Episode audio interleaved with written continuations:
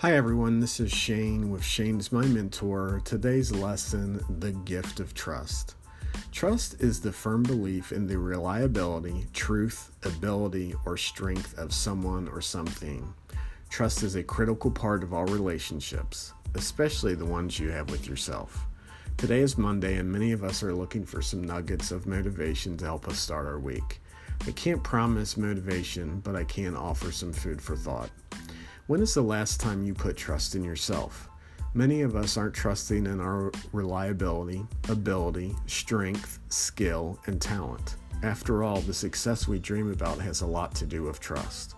Trust also extends to our family, friends, and colleagues, but I believe it first starts with you. Trust needs to come from within. It's not the future you're afraid of, it's the fear of past repeating itself that haunts you. Today, give yourself the gift of trusting in yourself. It's free to give, but choosing to withhold it will cost you more than you may know.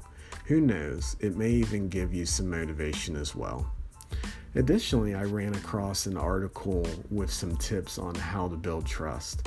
I'd like to kind of share some of those tips with you today uh, with my spin on it. Give praise when it's due. Cultivate authentic relationships by praising the work done by others.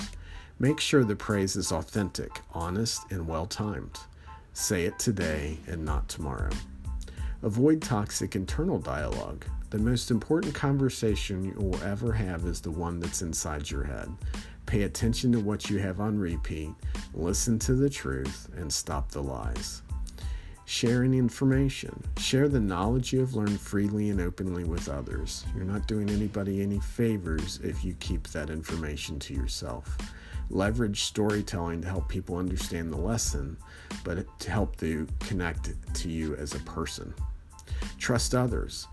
Hand stuff over to people without micromanaging. Let others into your world via transparency. Be consistent. Be present, engage, be you, and show and tell others what you stand for. Exceed the expectations of yourself and others often. Pay attention to nonverbal communication. Trust isn't always related to what you say, it can come down to your body language as well. It is said that good eye contact, posture, and nodding as someone is talking to you can go a long way to building trust. Be kind and gracious because it's free. The more you develop your soft skills to, to others, the more trustworthy you can become. Saying hi to someone, holding the door, paying them a compliment, serving others, any other small little gestures can go a long way to build trust as well.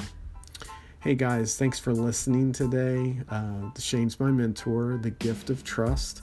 We're going to have some more blog um, podcasts this week, so tune in for those. I appreciate you listening today. Take care. Have a great Monday. Thank you.